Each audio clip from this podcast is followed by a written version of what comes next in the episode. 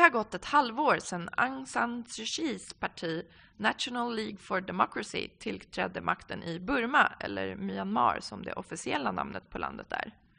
Eftersom Burma i årtionden styrdes av militärjuntan har förväntningarna på den nya demokratiskt valda regeringen varit stora. Och trots att många demokratiska reformer har genomförts så kritiserade FN nyligen regeringen i Burma för systematisk diskriminering av minoritetsgrupper i landet och framförallt av den muslimska minoritetsgruppen rohingya. Nu ska ni få lyssna till Johanna Kvist, informationsansvarig vid Burmakommittén och Abul Kalam, ordförande för Swedish Rohingya Association, som kommer att berätta om situationen för rohingyas i dagens Burma. Samtalet spelades in den 1 november 2016 och om du vill se filmen från FUF-fåtöljen så finns den på vår Youtube-kanal FUF Play. Tyvärr hade vi vissa tekniska problem under inspelningen så ljudet hackar vid några tillfällen under samtalet. Folkgruppen rohingya är en till största delen muslimsk minoritetsgrupp som bor i delstaten, delstaten Rakhine i västra Burma. Eh, den här delstaten hette tidigare Arakan men bytte namn till Rakhine och vi kommer båda använda Rakhine idag men det kan hända att vi eh, också säger Arakan men det är alltså samma delstat vi pratar om så att ni är med på det. Eh, den här delstaten är en av Burmas absolut fattigaste delstater eh, som också påverkar den här konflikten som finns såklart. Eh, det bor omkring en miljon rohingyas i Rakhine. Eh, men exakt hur, hur många som, som, bor där, det, det vet man liksom inte. Eh, 2014 så genomförde man en ganska så eh, omtvistad folkräkning som också var Sverigestödd, eh, som Sverige bidrog till att finansiera. Eh, men eh, men rohingyas uteslöts från den här folkräkningen därför när man frågar dem vilken etnicitet man har så, så, så räknas inte rohingyas. Eh, så man kan alltså inte veta hur, hur många de är egentligen, men runt en miljon. Eh, i den här delstaten så lever liksom även en annan folkgrupp, eh, arakaneser kan man säga, som är till största delen buddister. Och ända sedan Burmas självständighet 1948 så har militären eh, spelat ut de här grupperna mot varandra genom att liksom plantera motsättningar och så. Eh, så på gång på gång så har militären återupplivat motsättningar som, eh, som då eh, bidrar till den här konflikten. Och Kalam kommer då, och det här har vi även sett eh, under det senaste året och den senaste månaden som Kalam kommer berätta lite mer om sen. Ehm, eh, och här, den här folkgruppen då, eh, den uppfattas som illegala invandrare från Bangladesh av väldigt många trots att de har bott i Rakhindilstaten i århundraden eh, och i många, många generationer långt tillbaka så är det liksom uppfattningen om dem. Eh, och det, 1982 så eh, skapade man en lag eh, som reglerar liksom medborgarskap, medborgarskapet. Eh, och sedan dess så har eller egentligen redan sedan innan, men sedan dess så har, har folkgruppen aktivt nekats medborgarskap och det här innebär ju ändå en hel del saker och påverkar såklart folkgruppen. Eh, man diskrimineras grovt och man, eh, alla ens rättigheter kränks. Man har ingen tillgång till, eller väldigt låg och dålig tillgång till utbildning, mat och vatten, rent vatten, ingen tillgång till sjukvård eller mediciner. Eh, och det är framför allt kanske man ska säga att det är staten och myndigheter som aktivt diskriminerar folkgruppen. Eh, ja, men med det sagt så backar vi bandet lite för att också förstå eh, komplexiteten i det här. Eh, Burma har ju präglats av ett, ett antal olika militärjuntor sedan 1962. Befolkningen har levt under eh, eh, väldigt hårt förtryck. Liksom. Men framför allt så har eh, folkgruppen rohingya varit alltså specifikt förtryckta eh, man hade ett val, nu går jag väldigt fort fram här i, utvecklingen, men man hade ett val 1990 som, som NLD, alltså National League for Democracy, vann, men, men där militären ogiltigt förklarade valresultatet. Sen var det val igen 2010 eh, och det kan Kalam ge en kommentar om. Det var också 1990 vi hade rätt att eh, delta i eh, valet. Så Rohingya hade eh, bara ett videokort som tillfälligt man kan säga vitt kort. Så militären gav till chansen så ni får rösta och välja dina ledamöter till riksdagen. Så vi hade fyra stycken. Så eh, den partiet namnet the National Human Rights Organization som vi hade, NDPHR. Eh, sen, eh, Johan har sagt 2010 så vi hade rätt också.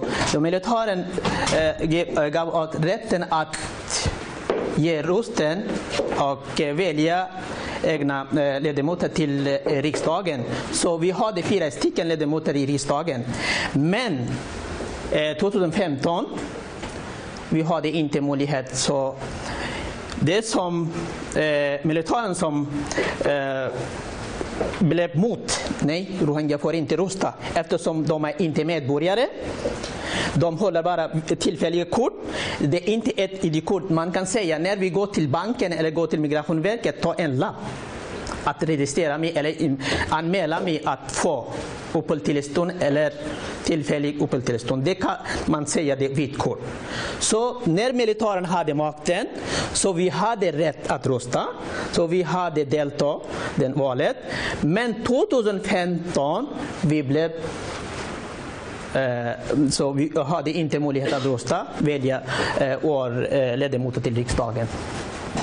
Även, det är bara kort, vi hade 20 000 medlemmar i NLD. NLD sparkade det 2013. Ni har inte rätt att fortsätta som medlemmar i NLD eftersom ni är inte medborgare. Så det som eh, är är ju att man har sagt att de senaste åren, sedan kanske 2011, så har Burma genomgått någon form av eh, gradvis demokratisering. Men eh, i valet 2015 så nekades alltså rohingyas rösträtt och rohingyas fick även inte ställa upp som, alltså att delta i valet, att bli valda som politiker. Så den här folkgruppen saknar alltså helt politisk representation eh, och det gör ju dem också ännu mer eh, sårbara eller ännu mer, eh, att man kan kanske utsätta dem för ännu mer diskriminering och kränkningar.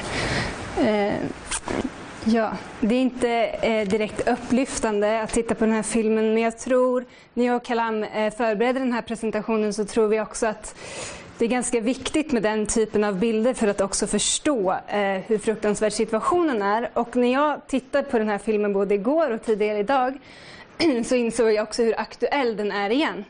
Eh, till exempel så, så, säger man där i filmen att nu har det här, eh, ägt, eller liksom det här har hållit på ett år. Nu har det gått fyra år och ungefär 100 000 lever fortfarande i de här förhållandena. Så det säger ganska mycket om, om vad som kanske inte har hänt. Liksom. Eh, och just den här att man är statslös är ju särskilt oroande för det leder också till så många andra eh, eh kränkningar och det påverkar också hur mycket man behandlas. Eh, alltså när man nekas medborgarskap så nekas man ju också liksom, eh, rätten till rörelsefrihet. Eh, det, kommer, det, kommer, det, är svårt att skaffa jobb, många är liksom arbetslösa, man kan inte sysselsätta sig. Eh, man kan också bli fråntagen egendom på, på många sätt. Eh, men dessutom har rohingyas också varit särskilt utsatta för landkonfiskeringar. För i Burma är det så att liksom, eh, staten äger marken men man får bara bruka den om man är medborgare. Eh, så inte ens kanske jordbruk kan man eh, försörja sig på. Ska jag bara titta hur vi ligger till eh, i tiden. Eh, jag ska bara säga lite, lite kort då om, om vad, ja, hur ser det ut idag då. Eh, det är ganska så exakt ett år sedan som valet ägde rum i Burma. Eh, en, en demokratiskt vald regering kan man säga har, har tillträtt. Visst, de delar makten med militären och det innebär massa eh, utmaningar. Eh, men, men vad har då hänt då? Aung San Suu Kyi fördömde tvåbarnspolicyn. Hon sa att det var brott mot mänskliga rättigheter bland annat. Eh, men den finns fortfarande kvar. Så jag tror att många som, liksom, eh, många som hoppades på väldigt stora förändringar nu för folkgruppen har blivit besvikna för att det har inte hänt så mycket. Liksom. Eh, och man har inte till exempel till, man, har fortfarande, man tillåter fortfarande inte humanitärt bistånd till alla de drabbade områdena. Utan humanitärt bistånd eh, kommer liksom inte, får inte, det stoppas, det kommer inte fram. Det är också en sån konkret sak som man hade hoppats att den, den NLD-rädda regeringen skulle, skulle förändra. Ehm, Eh, och eh, också när hon, i, i, i somras, eller eh, juni, eh, då uttalade sig Aung San Suu Kyi också om att hennes regering då har valt att man inte ska använda ordet rohingya utan man ska kalla folkgruppen någonting som eh, den muslimska minoriteten i Rakhine. Arakanis muslim. Ja, eller arakanis muslim. Eh, och det här går ju liksom emot en av de mänskliga rättigheterna, alltså rätten till självidentifiering. Och hon uppmanade även andra liksom att, att hänga på det här. Eh, så det finns liksom, ja, man kanske snarare har sett motsatta ja, än det man hoppades på. Um, och sen då eh, så har man eh, tillsatt en eh, en kommission med nationella och internationella experter som liksom ska typ medla i den här konflikten. Eh, men den har också stött på väldigt stor kritik. Den ska ledas av Kofi Annan bland annat. Men den har också mött mycket kritik liksom från, från flera olika håll. Den har mött kritik från alltså, aktivister eller organisationer som jobbar för rohingyas rättigheter för att det inte sitter någon i den här kommissionen som själv är rohingya. Den har också stött på eh, kritik från eh, arakaneser till exempel, alltså de buddisterna som bor i Rakhine-delstaten, för att de säger att det här är en intern fråga. Det här är en intern fråga som inte eh, någon, internationella experter ska lägga sig i. Eh, och den har också stött på eh, kritik eller, eller ifrågasättande från andra internationella organisationer, typ Amnesty International och så. Så frågan är ju vad, vad, det, här, vad det här ska leda till. Eh, och vi, eller liksom man kan ju man vet ju, den, alla de här problemen som, som filmen tog upp, liksom man nekas rörelsefrihet, man är instängd i internflyktingläger, man har ingen tillgång till mat och vatten, utbildning, man vet ju allt det här. Det behöver man kanske inte tillsätta en kommission, en till kommission för att ta reda på. Eh, så det kanske återstår att se vad den här kommissionen ska, ska jobba med. Eh, men med det sagt så lämnar jag över till Kalam som kommer berätta lite om framför allt det som ägt rum under oktober. Ja, det är under oktober, det var 9 oktober Ja, det var en okänd grupp som eh, Eh, attackerade tre polisinlägget i gränsen till Bangladesh och Burma. Så enligt statliga myndigheter och eh, TV, de eh, informerade det var fyra stycken dödade och fem stycken var skadade. Men det var nio stycken har dödat. Så det var klockan halv två i Burmas tid. Eh, även polisen har sagt de vet inte vem de är. Och de som är attackerade, de hade inte vapen. De hade bara svar och eh, de eh, hemgjorda eh, knivar. Och de har tagit deras ammunition, vapen, 60 stycken, 62 stycken och rundat mer än 10 000. Men i lite kort, jag vill eh, berätta om Rohingya, eh, men hon har berättat, men jag har inte så mycket tid. Eh, jag ber er, när jag byter den här sliden eller bilden, var snäll, titta på de texter. Det finns referenser och de som internationella organisationer, vad de har sagt om rohingyas. Så rohingya, jag själva tillhör rohingya-folkgruppen. Jag bodde i eh, Rakhine, 12 år jag bodde. Jag var på flykt nästan hela livet. Och mina föräldrar är också fortfarande eh, på flykt. De är i fängelset i Iran. Och mina alla släktingar nästan är kvar i Burma. Så jag vet vad händer varje dag, varje timme, varje minut. Jag har kontakter i Rak eh, Mangdu, Butidang, Ratidang, även i Rangoon. Det finns eh, eh, många av mina släktingar, de som bor i Rangoon. Så Johanna har sagt hur restaurationen finns det i Rakhine. Det är bara för rohingya, inte för rakhinerna, inte som andra borgoa eller andra eh, religion som till exempel hinduer, det finns också i Rakhine. De har alla rättigheter, rakinerna har alla rättigheter, men vi som rohingya har inte. Vi kan inte visa vem vi är, identifiera, vi kan inte, och religion, vi kan inte gå till moskén. Många moskéer har förstört och det är stängt. Även nu började i oktober också. Så jag kan inte läsa varje här eh, texten. Ni får se här. Den, deras storaste vapen, The är talk mot rohingya. Små flickor och kvinnor. Den bilden kommer från Mongdu. Den bilden kommer från Mongdu. Nyligen de, eh, började händelsen i oktober. Här, hur de har satt. Den är så Rohingya Solidarity Organization enligt den här eh, journalisten eh, vad heter det, Betlener, han har berättat att de är inte kvar nu. Nästan de är försvann. Många har fängelsat i Bangladesh men den statliga myndigheten sagt det var RSO som attackerade i Mongdo den 9 oktober. Men det var inte sant.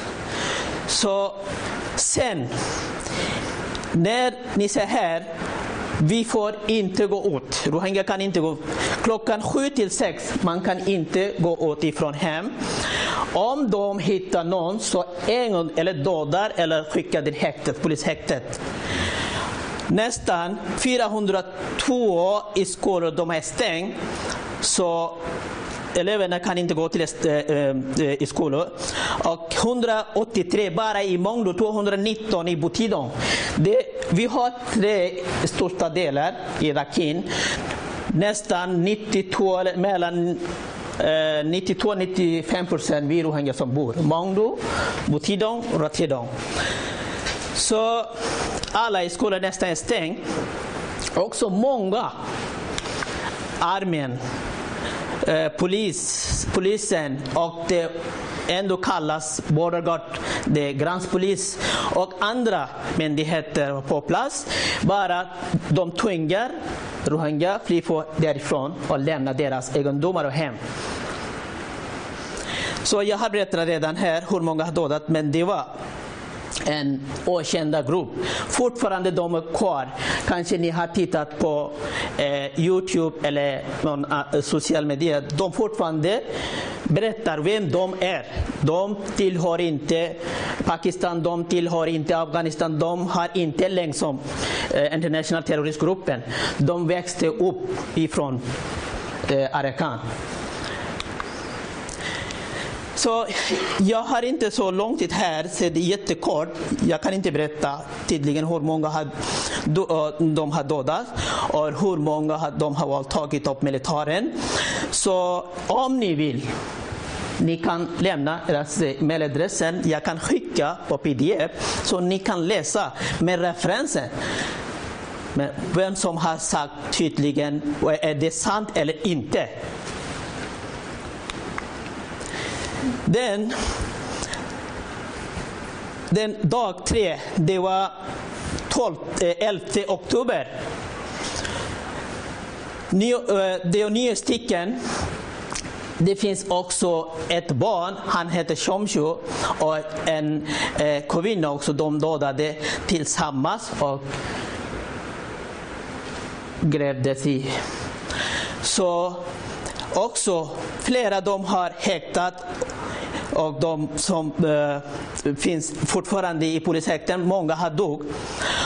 Här, det är tredje dag, men jag kan inte läsa hur många eh, hus de har nedbrända och vad de har gjort. Men det, varje dag händer. De säger, statliga medier säger, det rohingya själv var brände deras, eldar deras eget hem men det, ni får se här, vem de är. De är militären. De som eldar.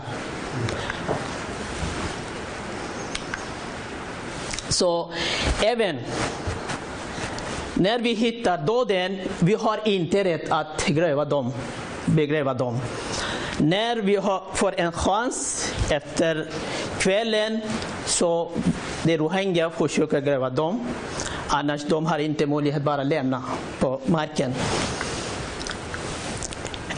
Jag själv har varit den by som de brinner där, när jag var liten. Johan har sagt, vilken glädje för dem, det är stadshuset framför stadshuset. Vad säger? Vi behöver inte. Vi behöver inte United Nations, de andra eh, internationella organisationerna i Rakhine-staden. De står framför stadshuset. En annan sak. Ni, vi som alla pratar jämlikheten, de säger, Aung San Suu Kyis parti säger, vi kommer att hjälpa alla de som är affekterade. Det området, det finns stora grupper, det är rohingya och rakiner. Rakiner har fått möjlighet att flytta därifrån och de statliga myndigheterna hjälpte dem. Även de skickade helikopter och de tagit därifrån. Och det ni måste läsa här vad säger den chief ministern i Rakhine stad och polischefen? Ni som är rakiner, ni får vapen att försvara själv mot rohingya. Betyder ni får döda rohingya. De är inte människa. Det, så ni kan lyssna på och titta på deras eh, de, eh, Myanmar TV även. Ett folkgrupp som bor i Rakhine, hur många operationer har gjort den eh, militären, Jonathan ni kan läsa här, det var största eh, kontrollen de gjorde, det var 1978 kallade Nagamen operation. Den tiden mer än 250 000 rohingya flydde till eh, Bangladesh. Jag var sex eller sju år gammal. Mm. Efter tre månader, när FN och europeiska länder tvingade de, de är inte statlösa. De tillhör Burma och Burma accepterade yes. These are our nation. They belong to us. We are accepting them. Så de kunde komma tillbaka till deras hem. Några månader sen började tvinga igen.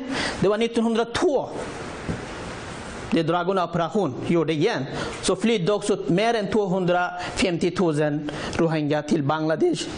Så just nu i Rakhine, vi har eh, nästan en miljon och i andra Burma-delar man kan säga det är 800 000 och utan Burma i Pakistan vi har mer än 400 000, Saudiarabien 400 000, i Bangladesh 500 nästan 1,5 miljoner vi bor. Så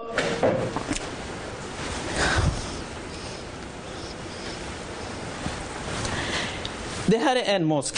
Vi har flera, flera mosk som har förlorat. De förstörade. Och eh, man kan inte bygga hus eller mosken eller Koran i skolan. Det är förbjudet. Även Eh, jag vill inte säga mycket om den oktoberkonflikten, kanske ni får läsa varje dag. Den konflikten, varför växte upp? Det är ungdomar. De, får, de har inte rätt att gå till skolan. De har inte rätt att jobba. De har inte rätt att gå en by till andra by. Så vad, vad de ska göra, nästan mer än 70 år. De har ingenting.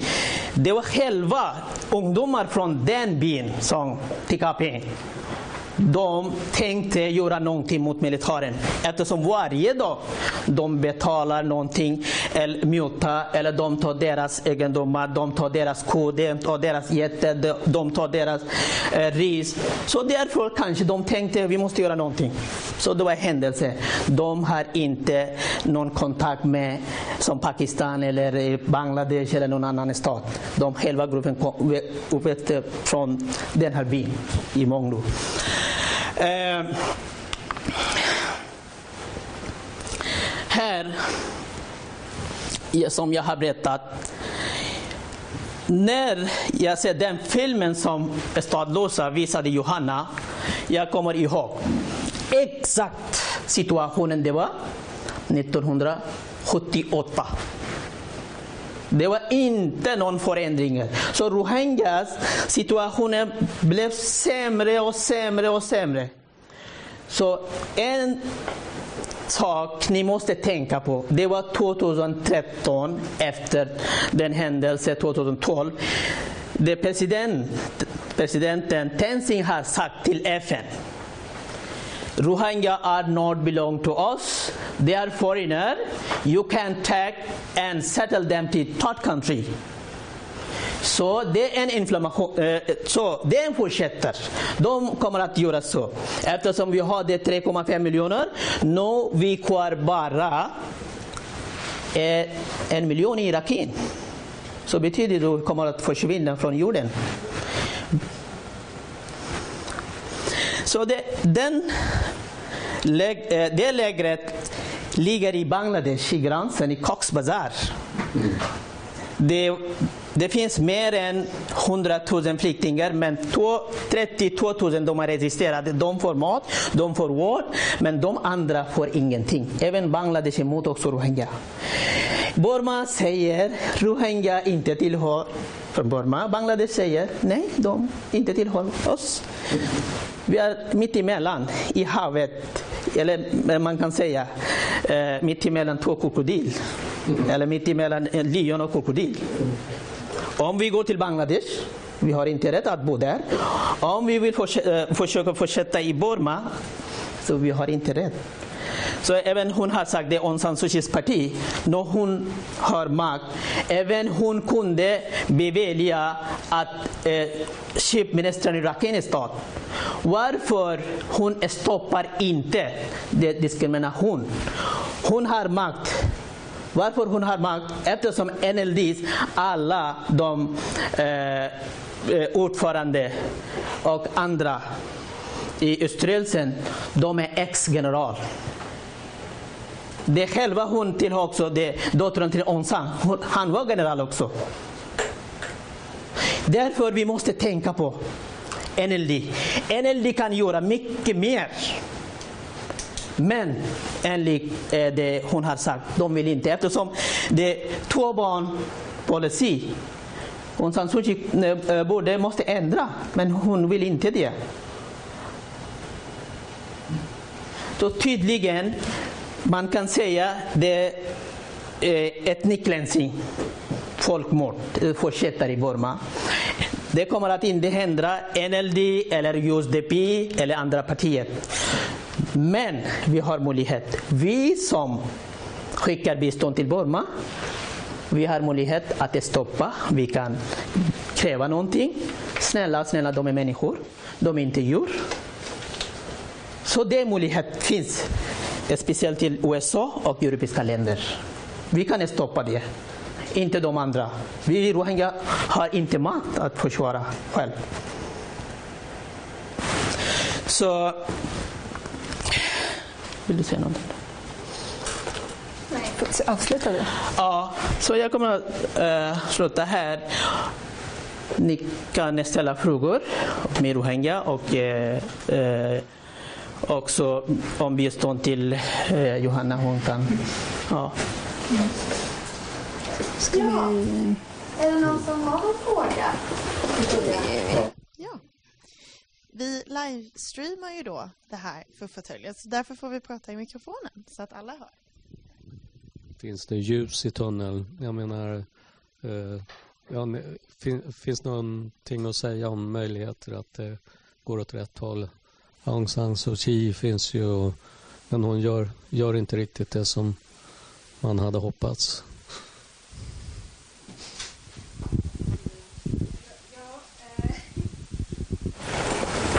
Sätt så skulle jag säga att just nu kanske jag inte tycker att man ser något ljus i tunneln. Och framför allt med det som Kalam har berättat om liksom det som har hänt i oktober. Att liksom eh, våldsamheter har brutit ut, många har dödat, man beskyller man beskyll liksom vilka som ligger bakom och så vidare. Eh, Eh, så just nu så, så, så, ser det ganska mörkt ut. Å andra sidan så, så, måste man väl också våga tro på det här med att vi har en... Jag menar, NLD ska väl utge sig för att vara liksom ett demokratiskt parti och jobba för mänskliga rättigheter. Det är en, en folkvald regering. De gör, genomför and, andra former av demokratiska reformer. Så på ett sätt så borde det ju vara det bästa utgångsläget på mycket länge. Förhoppningsvis. Men som vi har sett så har det inte hänt så mycket än. Eh, men det, det kan liksom ihop med internationella påtryckningar och att man vågar, eh, som Kalam också sa, det här med att man, alltså ger man bistånd så, så man måste liksom våga eh, prata om allas lika rättigheter och så vidare och minoritetsgruppernas rättigheter och sådär. Eh, så både ja och nej kanske på den frågan. Men, ja. Synd. Ja, det är om man frågar om eh, Aung San Suu Kyi och eh, hennes parti NLD. NLD har mycket möjligheter eftersom det är hela landet. Det var nä, nästan, eh, ja, eh, man kan säga det 100 procent. Som 75 procent de sitter militären, man behöver inte räkna dem. Om man pratar om humanitären så det finns mycket möjlighet att göra rakin uh, i, i Kachin. Men Aung San Suu Kyi vill inte göra nu. Eller hennes parti vill inte göra nu.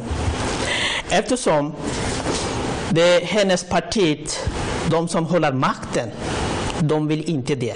Kanske hon vill att uh, göra uh, uh, rätta de saker som eh, gjorde fel och eh, hjälpa de och satsa gruppen. Men hennes parti vill inte det. Så det är helt klart. Eh, den Kofi Annan-kommissionen, när man talar om Även den som oktober händelse i Mongdo, det var planerat. Det är militären som planerade. Eftersom Kofi Annan hade bestämt den 21 oktober att besöka det området. Så därför det skapade det händelse att man kan inte komma in, eller internationella, de eh, andra finns i kommissionen, de, eh, de får inte eh, se verkligheten. Så att eh, så därför det, det militären och myndigheterna skapade eh, den oktoberhändelsen. Men, men nu det blev jättesämre. Även igår kväll. Många kvinnor tvingade att lämna byn och de sitter nära eh, damm, vattnet. De har ingenting. Deras barn och alla man, de är försvann. De gick till djungel. Och militären kommer. Jag har live-video här. Det finns många som har filmar. Så militären kommer vad de vill. De kan göra. Jag hade inte möjlighet, för det var kort tid. 19 stycken igår kväll kvinnor de har tagit till polisstation. Man vet inte vad de har gjort med dem. Och de har våldtagit, jag kunde inte eh, berätta här, det var 13-åriga flickor, 15-åriga flickor, 19-åriga flickor, även finns namnet och by. Om någon vill gå, vill bedöma eller undersöka vem de är, utsatt, blev utsatt. Så ni får också. Även om någon vill gå härifrån eh, i Sverige, jag kommer att hjälpa. Eftersom Burma säger nej, vi gör ingenting. Vi bara försöker hjälpa och vi försöker gripa dem, den gruppen. Men det är inte sant där.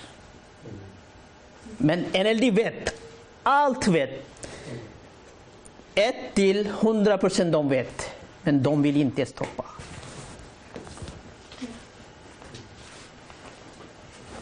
Jag har egentligen två frågor. Eh, den ena frågan är, handlar om NLD och eh, hur, hur inställningen är där. Det är väldigt lätt att se NLD och Aung San Suu Kyi som en, liksom, en enhet. Men det måste ju finnas olika uppfattningar där. Bland annat undrar jag lite grann över de, de representanter i parlamentet som är valda ifrån den här provinsen eller delstat. Ehm, har de någon, vilken uppfattning har de? Eh, har de en, en, en väldigt negativ uppfattning eller finns det öppningar den vägen? Eh, min andra fråga handlar om Kofi Annans kommission eh, om ni har några kommentarer kring den, eh, vad det finns för öppningar och vilket mandat den har för att göra vissa saker och, som, och hur det skulle då kunna fungera för att förbättra situationen på något sätt. Antingen internt eller externt mot eh, så här, resten av världen. Den första frågan, ja. Eh, frågade om NLD och deras parti och speciellt till Arakan. Men eh, du säger det kanske finns någonting eh, som man kan inte visa, eh, kanske NLD har inte rätt eller vill inte göra någonting. Eller det finns några som kommer att Eh, eh, mot NLDs eh, verksamhet. Men min fråga är här. Men hur NLD kunde bevilja den chefsminister till Arakan, men de hade inte rätt eftersom de har ingen ledamot från Arakan, bara en steg. De andra 23 från Rakiner, de är inte NLD. Men hur hon kunde välja honom om de är emot hon, äh, henne? Min fråga är. Och det, Kofi Annan-kommission. Kofi Annan-kommission bara, bara ge att, kommer att skriva en rekommendation hur vi, hur ni kommer att lösa problemet som äh, finns i Rakhine. Det Kofi Annan kommission har inte rätt att säga de behöver vård, de behöver skolor, de behöver sådana grejer, de behöver vakt, de behöver nationalitet, de behöver... De kommission kommer att säga, eh, eller kommer att skriva bara en rekommendation. Ni får göra sådana saker, ni måste göra. Så en del också, NLD vill länga deras perioden eftersom den kommission kommer att är svåra efter ett år. Så det är bara länga tiden. Jag, jag, kan, jag kan säga lite kort bara. Alltså på den första frågan om, om NLD Eh, och liksom vad som, om det finns något stöd i liksom rohingya-frågan där så, jag menar det är ett stort parti, ja det kanske det finns. Eh, å andra sidan så kanske det inte är den sidan som liksom når fram på något sätt. Och vi, vi har inte pratat om det nu och vi, vi, kanske också har kritiserat NLD och jag tycker inte att, att, så att, de har, att de säger att man inte ska säga rohingya så kan aldrig berättigas. Man måste också förstå att de befinner sig i en väldigt så här, komplex situation där, de ska, eh, där det finns ett starkt motstånd väldigt starkt internt motstånd till rohingya-folket i Burma. Eh, och det kanske också är de som har röstat fram NLD och sen har man alla etniska minoritetsgrupper som också röstade på NLD men som egentligen har ganska lågt förtroende för NLD och framför allt så började det växa ett, liksom, ett, en, en, en misstro, en besvikelse i den här, i den här liksom, gruppen med etniska minoriteter. För de liksom, inget händer ju. Och att man kanske hade hoppats på att det skulle ske mer. Så med det här sagt så, eh, så kanske man inte märker av så, så starkt stöd liksom för rohingyas rättigheter hos NLD. Men eh, jag, jag, kan inte heller sitta här och påstå att det inte finns, om jag säger så.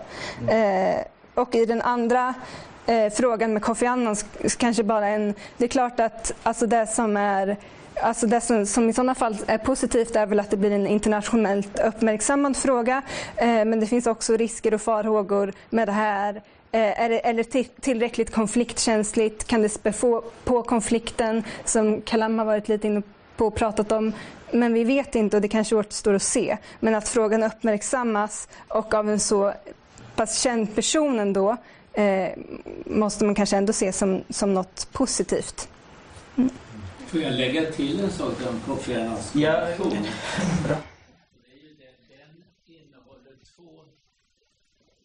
Förlåt, får jag lägga till om Kofi Annans konvention?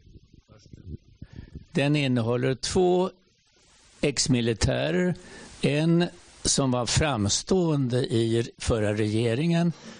Väldigt negativ. Han var ordförande i någonting som heter Myanmar Human Rights Commission och allmänt eh, icke betrodd av åtminstone de som känner till det, plus en till hög militär.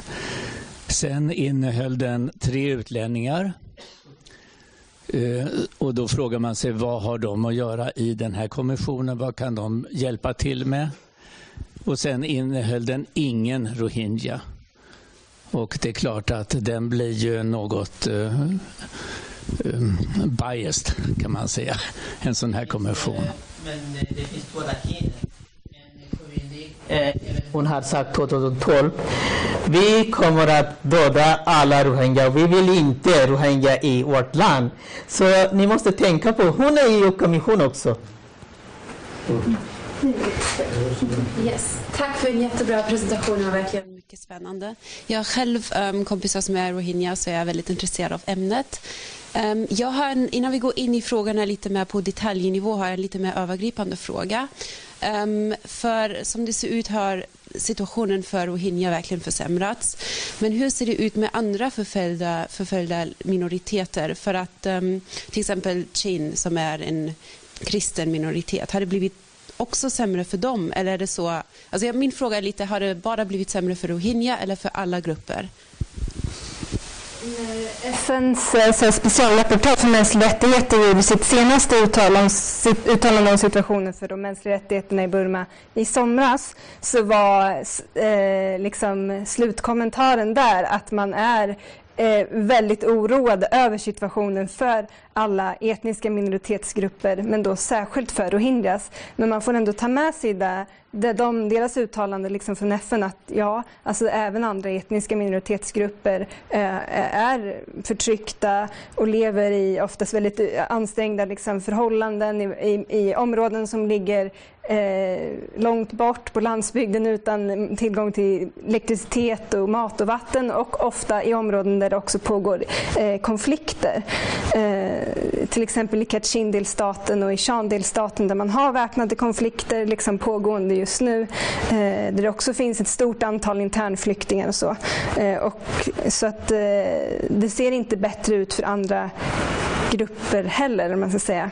Men, men skillnaden är att skillnaden är ju att rohingya-folket är liksom systematiskt diskriminerade på ett sätt. Mm. Ja, det blev jättesämre på, när man talar om Kachinstaden. Eh, I Kachin finns också buddister. Det, det här eh, regeringen är inte mot eh, buddister. Det är bara som eh, de är kristna. Så det blir sämre också efter den senaste månaden i Kachin. Även de attackerar med eh, jetplan eh, och eh, bombar. Så det blir sämre i Kachinstaden om man jämför innan det valet. Eh, även i Shahanistaden det fortfarande fortsätter eh, kriget eh, mellan eh, den eh, militären och eh, eh Shan-armén. Så om man säger det är nästan de som är inte buddister, de är fortfarande tvingar mycket i landet. Så enligt de har sagt de vill ha bara ett buddhistland. Mm.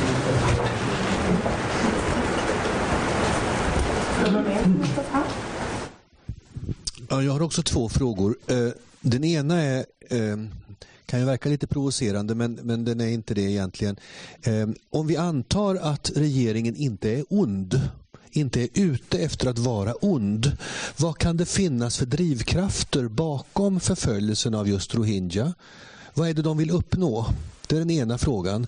Den andra frågan är att för några år sedan så hörde vi talas om båtflyktingar. Vad har hänt med den frågan?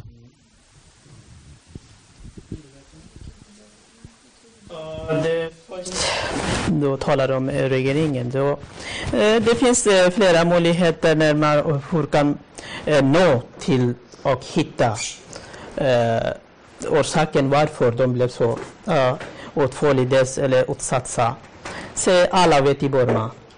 Eh, även NLD vet, de USDP vet, andra partier vet och kachinerna vet. Eh, problemet är eh, man kan säga på eh, eh, engelska burmanization. Även jag vet, jag känner också många eh, i min by, det är många militärer kom och gifte sig med rakin, eh, eh, rakinflickor och de blev en del började kalla jag är Borman, jag är inte rakin. I Kachin också. Så därför nästan den, eh, från 1962 till idag, deras hjärna är eh, städade, man kan säga. Det är mot andra religion. Och man vet inte, utan rakin i hela Burma, man vet inte vem är rohingya. Eftersom de hörde inte rohingya efter, eh, eh efter 1964. Vi hade rätt att tala i radio. Vi hade tidningar också. Även vi hade eh, tidningar på persiska, vi hade tidningar på urdu, vi hade tidningar på eh, burmesiska. Men efter Nevin, när han tog makten, så alla förbjuds. Så från den här tiden, de andra grupperna, till exempel shanen, kachina, rakina och wa, mung, de hade inte möjlighet att höra rohingya. har en läkare. Hur många? 80 000 rohingya har en läkare och var 5 000 rakinerna har en läkare. Även också sämre, men vi har bara en läkare för 80 000 folk. Så när man får inte någonting och eh, som är öppet fängelse till lägret, de väljer att lämna landet. Vem som hjälper? Det är myndigheterna, till exempel gränspolisen. De ordnar bort. Om du betalar 10 procent så du kan åka. 90 procent du kan, när du får tillstånd eller tjäna någonting, så du kan skicka till mig.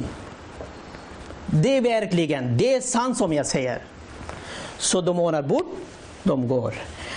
Även det var 2012, det var många, även 2007 om du kommer ihåg, kom till Sri Lanka. Fortfarande många ungdomar är kvar i fängelset i Sri Lanka. Och eh, eh, många är fortfarande kvar i Indonesien. Många har dött mellan i eh, eh, Indonesien och Australien. Och många har fått eh, som eh, flytt, eh, eh, flykting på FN i Queen, eh, Queensland, eh, Queen Island eh, kallas som. Det är en del av Australien. Eh, så många är fortfarande kvar i Thailand, i polisfängelse, polishäktet. Det var en grupp av ungdomar från Koranskolan. Koranskolan. De, I början det var nästan 50 stycken Eh, 30 procent typ de har dog i fängelset, men någon kan inte skriva. I början de hade bra, de hade, ja, nu många lever men de blev som eh, nedsättande handikapp. Det var ungdomar. Och i Malaysia, det finns i början, innan 2012, det var bara 10 000 eh, eh, någonting. Nu blev det mer än 50 000 rohingya-flyktingar eh, i Malaysia. Men om man talar om eh, boat people, det, det fortfarande fortsätter. Även nu, polisen säger om ni vill lämna landet, vi hjälper er. Vi hjälper er. Så betyder de vill inte rohingya-folket. Och ni måste komma ihåg Arakan, det var, en del, det var inte en del av Burma. Det var inte en del av Burma. Det är Burma som... Jag har en...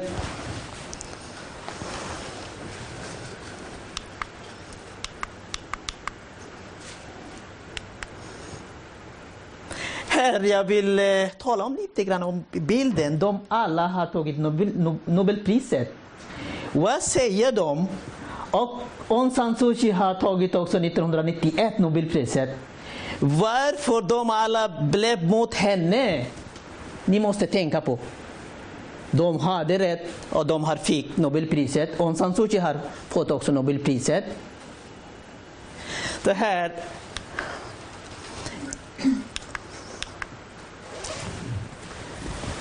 Ni får läsa här. Vem är han? Och vad säger han? Rohingya did not come to Burma, but Burma came to Rohingya. Det var 1784, Burma ockuperade. Vi Rakhine och Rohingya hade inte konflikt mellan någon gång. Det var Burman som infekterade området.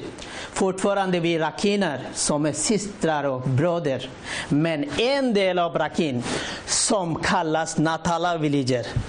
Natala villager betyder de är byarna. De som fattiga buddhister, de som bodde i Chittagong, Hilltrack, de flydde till Burma. Så de hade ingenting. Då myndigheterna tog en del av marken från Rohingya, två kor, eh, kossar, ett par get och ett par hona och eh, andra ris. De får för sex månader från Rohingya. Det delar inte, inte FN. Så de kan bo. Och det som, de som rådde eh, problemet i Arakan Annars, de som ursprungligen kommer från Arakan, buddhister, och vi som ursprungligen kommer från Raki, eh, Arakan, så vi har ingen konflikt mellan. Fortfarande vi saknar varandra. Så det är militären som eh, ordnade den gruppen som kallas Natala Villager. Även ni kan se på bilderna eller filmerna. När militären attackerar till mot Rohingya, en del publik finns också, ungdomar. Vem de är de kom från Bangladesh. Aung San Suu Kyi har sagt också, det finns många illegala invandrare i Rakhine. Yes, of course. She's right.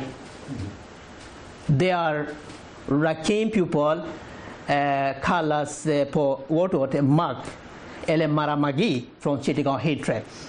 De har deras eget militantgrupp kallas ELE, ELP det är deras armégruppen. De är aktiva i Rakhine. Då problemet började där. Det är militären som eh, skapade problemet i Rakhine. Så därför, vi rohingya har det som en kung. Även, jag kan ge ett exempel. När vi kommer att gifta som ungdom, vi, har, vi, måste, vi måste göra en sak som affärsman måste göra business en gång. Innan en gång business, man får inte gifta. Så vi har det mycket eh, verkligheten i Rakhine. Så fortfarande ni kan se den staketen. Ni får se. I Sverige har vi tradition. Staket. Vi har stakettradition runt huset. Nu, eh, det är oktober månad. De tvingade, man får inte staket, du måste ta bort nu, alla i Månglo, Botidong, Ratidong, alla staketet försvann. Bara ni får se huset. Så eftersom världen, när kommer in, världen kan se vår tradition, hur vi bodde, hur vi lever. Vi vill inte ha någonting från världen. Vi har eget äh, äh, grejer som vi kan använda i, om vi får frihet. Även vi, vi äh, ger skatten mer än de andra borgmästare. Ändå vi har möjlighet, även bara en kvinna, man kan spåra ris till sex månader i Rakhine. Vi behöver inte hjälp från världen. vi behöver bara frihet.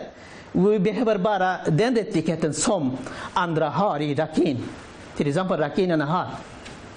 Om vi får jämlikhet så man behöver skicka bistånd till Burma. Vi kan dela till andra. Även min pappa och min äh, äh, farbror har delat två familjer. De som var fattiga kom från Bangladesh. Vi gav till dem en del av marken. Utan ingenting. Jag har, även jag kan gå och titta vilken mark vi lämnade till dem. De är jättefattiga. De bara, även de kan prata samtidigt två språk. Bengaliska och rakhine som vi lämnade nästan många familjer som hjälpte till rakinerna från Bangladesh. Så det var vårt fel som vi gjorde. Nu de blev starka, vi blev svaga. Så de tvingar, de blev en del av, eh, de kallar det ursprungligen, de kommer från Rakhine. Och vi blev som flyktingar från Bangladesh. Men världen måste tänka på, de betyder om han säger Rohingya come into eh, eh, uh, uh, the Burma. Yeah, Rohingya did not come to Burma. Vad betyder det? Se, vi ursprungligen kommer till Rakhine. De vet. De är författare, de har, eh, de har läst om världen, de har läst om eh, människorättigheten. Därför de har fått Nobelpriset. Om de säger någonting, varför Aung San Suu Kyi emot dem? Det betyder rasism, man kan säga det. Rasism. Varför de tvingar till kachiner? Eftersom de är kristna. Därför. Oh, sorry. Hörs det i den? Jag skulle vilja lägga till någonting om det som Kalam sa om burmanization.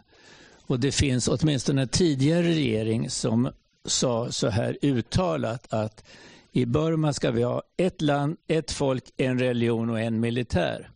Ingenting mera.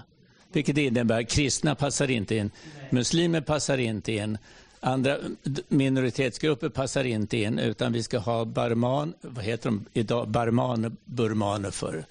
Det ska vi ha och buddister och det är precis vad vi vill ha. Och det, det är ju inget unikt i världen att man vill rensa. Det har vi klara tydliga eh, bevis för tidigare i livet. Sen eh, vill jag bara också säga en annan sak om folkräkningen som var 2014 har jag för mig att det var. Då betalade Sverige ungefär 45, 70 miljoner kronor till den folkräkningen i vilken man inte tillät rohingya att bli räknade. Så de var bortvalda. Det var ungefär 10 miljoner i Burma som aldrig blev räknade. Trots det så hade vi i Sverige betalat fem, 70 miljoner, sa jag. Och året efter ett antal miljoner också för uppföljning av det hela. Vad har vi gjort? Varför säger vi ingenting? Varför ringer vi inte? Varför kan inte Margot ringa till Aung San Suu Kyi och säga vad sysslar du med? Jag tror att man skulle lyssna på Sverige, faktiskt. Tack.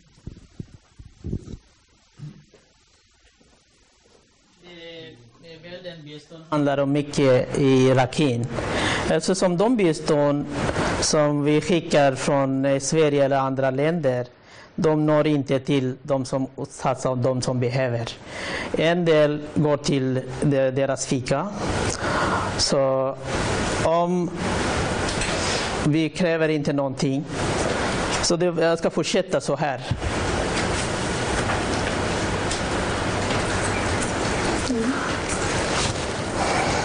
Mm.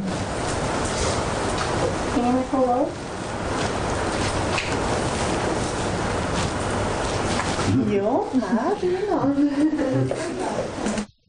Jag tänkte om jag kunde få säga en kommentar kanske. Det är inte en fråga utan en kommentar. Jag är kollega till Johanna här från Burmakommittén. Bara någonting lite positivt i alla fall. Ehm, från, jag kommer precis från en resa i Burma förra veckan. Eh, och dels så tycker jag... Jag reste i, i de här lägren som det var bilder ifrån då, 2013 tillsammans med den mannen i vit t-shirt som pratade på filmen, kan jag säga också. Så jag, en positiv sak som jag har förstått det som är att själva förhållandena har ju förbättrats i de här lägren. Så det är inte längre de här misärbilderna som vi såg från filmen utan det är ju mer liksom permanenta flyktingläger. Men det ser man också som ett problem i och med att man då permanentar situationen så att folk inte kan resa tillbaka till sitt uppehälle och så.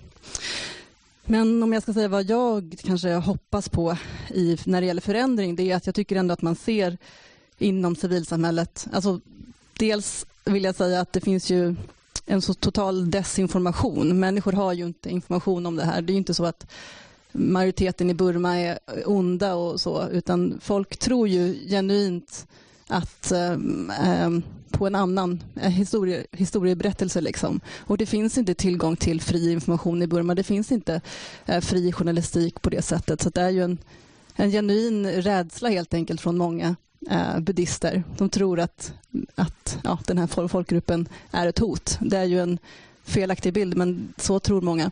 Men jag ser en väldigt stor skillnad när man talar med människorättsaktivister och så runt om. Vi stödjer ett 20-tal grupper runt om i Burma och vi har efter de här händelserna 2012 och börjat med sådana liksom konsultationssamtal kring icke-diskrimineringsfrågor där vi också pratar om rohingyas, eller inte vi som håller i det här utan det är lokala grupper. Men jag ser väldigt stor skillnad i hur man kan prata om de här frågorna med många aktivister när det var helt omöjligt för två, tre år sedan. Nu är det ändå så att liksom, eh, det finns en annan medvetenhet. Och jag tror på den här interna liksom, opinionen på lång sikt, även fast det är väldigt negativt nu, att minor andra minoriteter ser att om den här gruppen kan behandlas så här dåligt så är det liksom eh, då är det fara eh, att det ska, att det ska komma till den punkten att ehm, ja, att människor faktiskt samlas för den här gruppen. Och man ser det inte riktigt nu, men jag tänker ändå att det finns liksom positiva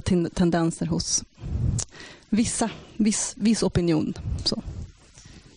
Ja, det är sant. Eftersom det är social media som ändrade lite deras hjärna. Innan de hade inte social media, de hade inte telefon, de hade inte såna Youtube och andra grejer. Vad då världen säger. Vad är rättigheten? Vad är Eh, eh, minoritet. Så många eh, kunde förstå det. Så därför, enligt Matilda, det är rätt.